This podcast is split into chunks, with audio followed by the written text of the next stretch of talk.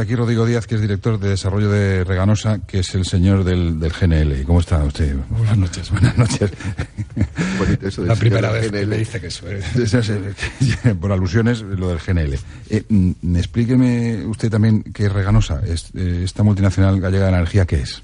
Reganosa es, una empresa que, se dedica a la gestión y operación de infraestructuras de gas. Es una empresa nacida en Galicia y que a día de hoy tiene ya una presencia global e internacional. Eh, nacimos en Galicia con un objetivo, con el objetivo de construir una terminal eh, de gas natural licuado en el puerto de Ferrol y una red de gasoductos asociada a esa terminal para poder eh, conceder a Galicia el poder acceder a un combustible con gas natural licuado de una manera competitiva. ese objetivo se cumplió y a partir de ahí, en, en estos años, un proyecto que nació en el 2001 que este año la terminal cumple sus 10 años de operación. Estamos también con un cumpleaños importante como la Copa en Ferrol el año pasado. Y que desde ese momento pues hemos ido eh, cumpliendo diferentes hitos y que nos ha llevado, por ejemplo, el año pasado a estar presentes en, cuatro continentes distintos, eh, trabajando en, todo tipo de proyectos relacionados con el natural. Recoja usted el guante del presidente de la autoridad portuaria que aporta Reganosa al, puerto de Ferrol. Bueno, yo creo que hablaba, por ejemplo, el presidente de los astilleros eh, el puerto de Ferrol es pionero y es un ejemplo de sinergias eh, que yo creo aplicado con éxito. La puesta en valor precisamente de esas sinergias entre Reganosa, Navante y Gas Natural Finosa se puso en marcha un proyecto para completar el circo de reparación de los, de los buques gaseros en el, en el puerto. Ese proyecto, de hecho, hoy tenemos, por ejemplo, un, barco en la terminal en el marco de ese, de ese acuerdo. Y, ese acuerdo ha sido tan exitoso que ha traído muchos barcos, tanto a Navantia como a Reganosa, y al mismo tiempo ha sido eh, copiado en otros enclaves, eh, si hablamos de, los aspectos portuarios tan importantes como puede ser Singapur. Dígame para qué sirve el gas natural licuado. El gas natural, el gas natural licuado, eh, su uso principal, si hablamos de él como gas natural licuado, es, para transportarlo. Es decir, el, gas natural se puede transportar de dos, maneras, en estado líquido como gas natural licuado, en estado sólido a través de gasoductos. El gas natural licuado en estado líquido se transporta a través de barcos, de barcos metaneros, esos barcos que se reparan en, Navantia. Y el objeto principal de, licuarlo, que se consigue enfriando a menos 160 grados. A menos 160. A menos 160. Es reducir su volumen y que de esa manera sea más eficiente el transporte. ¿Y eso va dentro del barco? Eso va dentro del barco. ¿Luego qué pasa con...? Ese, ese gas natural licuado que va dentro del barco tal como estaban diseñadas las terminales portuarias en su momento, su objetivo principal era llegar a una terminal, descargar ese gas, que ese gas natural licuado se almacenase en los tanques de la terminal, se calentase y pasase de estado líquido a estado gaseoso y se metiese en el gasoducto. Eh, se metiese en el gasoducto principalmente con tres destinos, en las plantas de generación eléctrica, con la calefacción de nuestras casas y también para dar combustible a las, a las industrias.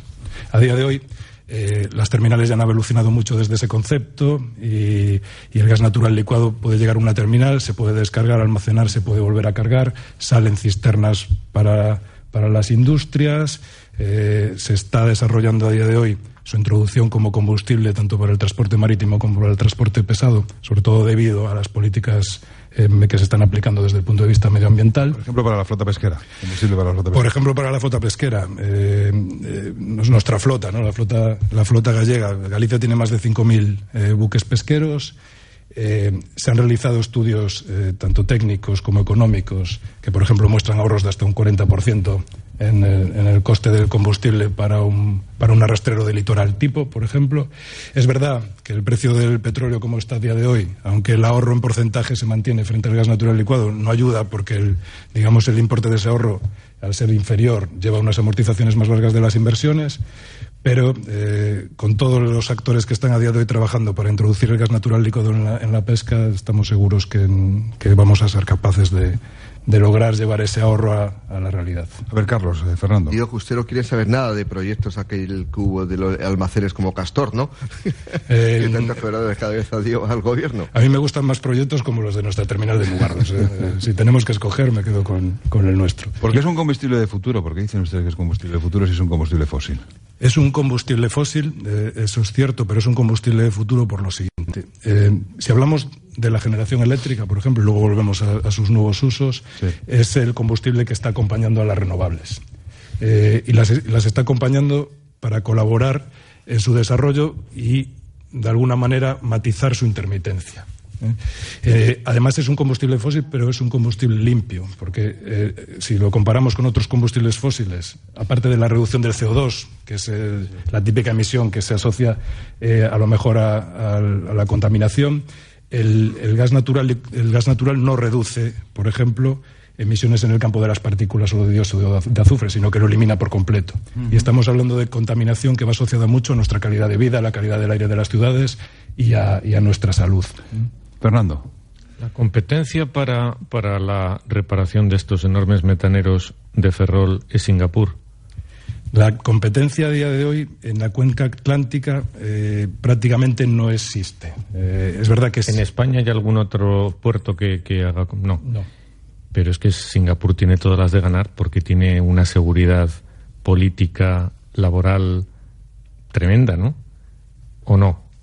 Eh, tiene una, una una seguridad política y laboral tremenda. simplemente, pero está un poco lejos, ¿no? simplemente es que está lejos. Iba a decir. Un poco lejos, ¿eh? Sí, pero es ya pongo del mano aquí de Ferroles, Singapur. Bueno, no, la, seguridad eh, que puede dar un, el entorno empresarial que tiene el puerto de Ferrol en este tipo de servicios de primer nivel. Esto era lo que quería que dijera. Ya está, pues ya lo ha dicho. Joaquín, no, la última pregunta aquí en nuestro invitado de los Primero, eh, los metaneros, eh, ¿de dónde traen el gas a, a Ferrol? Esa es una pregunta. Y luego una curiosidad porque creo que hace nada ha entrado una empresa japonesa en el accionariado de, Reganosa, que es eh, y no es muy habitual que una empresa nipona entre en una, en una compañía española. Yo no sé qué, qué, puede aportar eh, una compañía japonesa. ¿O qué le ha llamado la atención de Reganosa a los japoneses? claro. Eh, empiezo por la primera. ¿De dónde viene el gas? Pues viene de, lugares tan diversos como Nigeria, como Perú o como Estados Unidos. Ah.